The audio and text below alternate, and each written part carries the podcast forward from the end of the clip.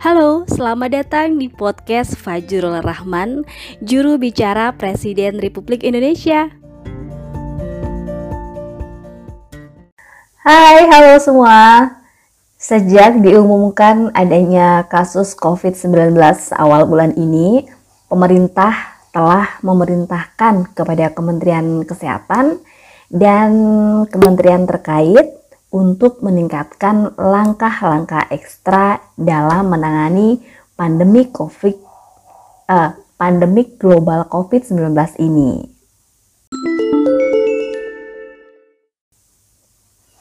Jika kita mengamati beberapa negara yang mengalami penyebaran lebih awal dari kita, ada yang melakukan lockdown yang tentunya dengan segala konsekuensinya namun, ada juga negara yang tidak melakukan lockdown, namun eh, melakukan langkah dan kebijakan yang juga ketat untuk menghambat penyebaran COVID-19 ini.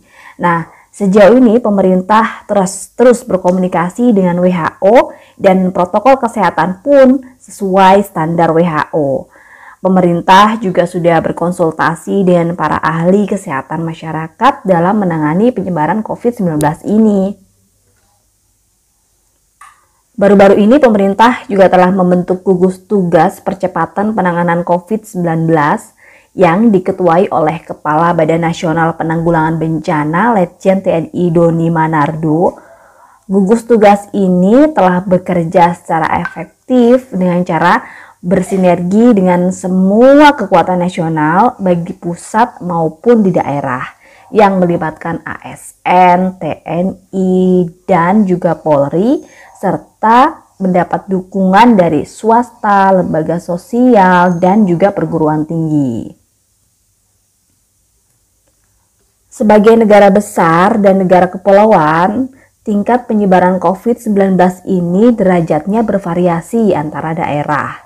Oleh karena itu, eh, kemarin Bapak Presiden sudah meminta kepada seluruh gubernur dan bupati serta wali kota untuk terus memonitor kondisi daerahnya, terus berkonsultasi dengan pakar medis dalam menelaah situasi, lalu kemudian juga berkonsultasi dengan Badan Nasional Penanggulangan Bencana untuk menentukan status daerahnya siaga darurat ataukah tanggap darurat bencana non-alam.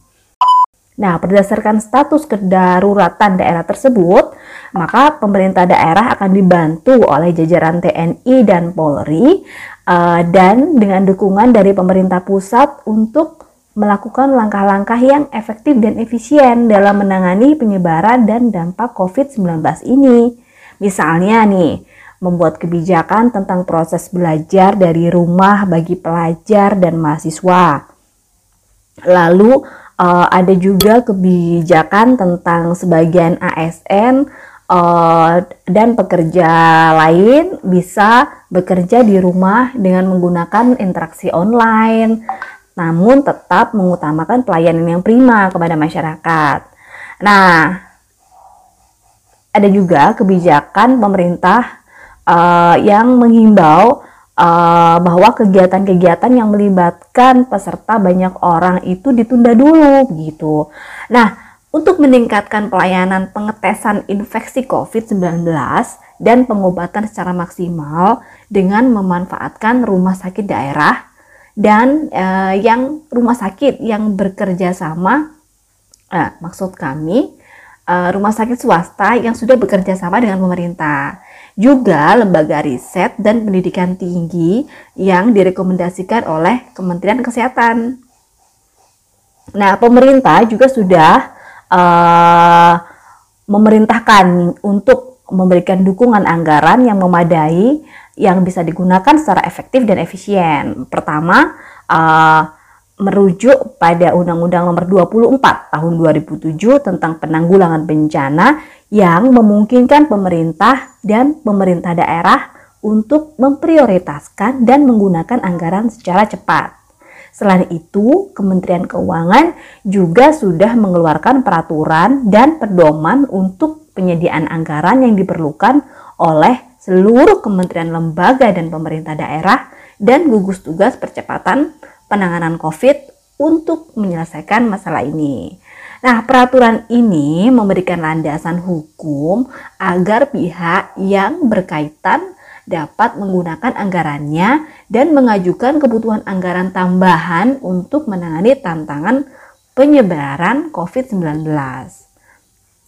Ya, dampak pandemi COVID-19 ini memang telah memperlambat ekonomi dunia secara masif dan signifikan, termasuk eh, terhadap perekonomian di Indonesia.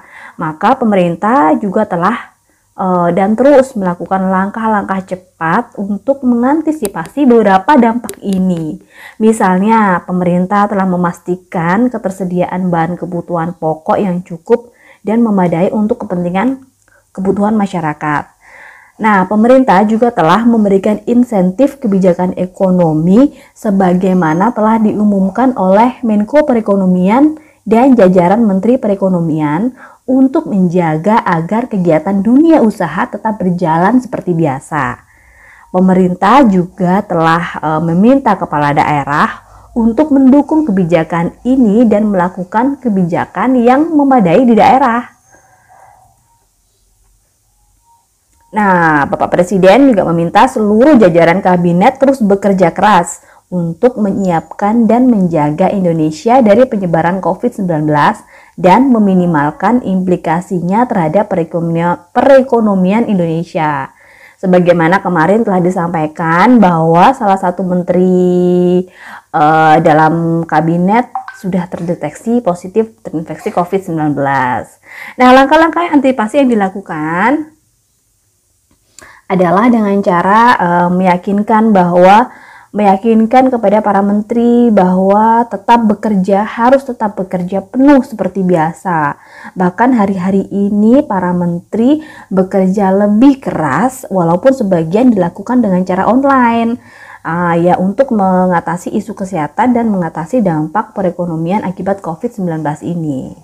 Nah, terakhir kepada masyarakat Indonesia uh, harus tetap tenang, tidak panik dan tetap produktif dengan meningkatkan kewaspadaan agar penyebaran COVID-19 ini bisa kita hambat dan kita stop. Dengan kondisi ini, maka saatnya kita ini kerja dari rumah, belajar dari rumah, ibadah di rumah, ibadah di rumah, dan inilah saatnya bekerja bersama-sama, saling tolong menolong dan bersatu padu bergotong royong kita ingin menjadi uh, sebuah gerakan masyarakat agar masalah COVID-19 ini bisa tertangani dengan maksimal.